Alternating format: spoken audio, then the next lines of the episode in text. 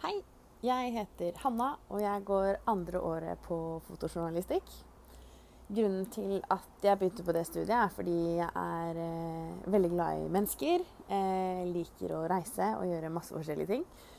Og liker selvfølgelig å ta bilder og lage video. Så tenkte jeg at det var midt i blinken. Og så langt har det vært eh, kjempegøy.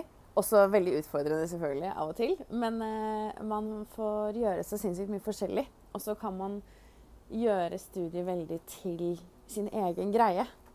Så f.eks. jeg er veldig glad i hest og dyr generelt, så jeg har lagd sak både på hunder og hundesykdom. Og så lagde jeg en reportasje fra Bjerke travbane. Så man får liksom gått inn i det man syns er spennende, da.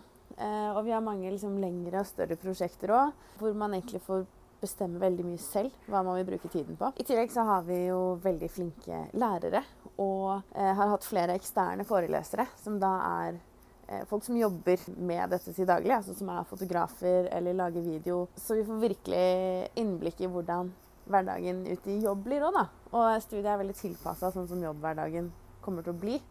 Så det føles veldig godt. Og så er vi en veldig liten klasse. Vi er bare, Min klasse er elleve stykker. Så det er på en måte veldig mye rom for å påvirke hvordan studiet skal være og legges opp, og hva vi syns er interessant, og hva vi vil lære om og sånn. Så det syns jeg er eh, kjempefint. Og så får du litt kule tilganger, da.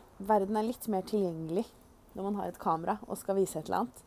Så f.eks. skulle vi lage et prosjekt om eh, isolasjon i norske fengsler. Og da fikk vi komme inn eh, på Ila og uh, filme i en isolasjonscelle der. Så det er veldig kult. Her hadde man på en måte ikke fått kommet inn bare sånn av interesse.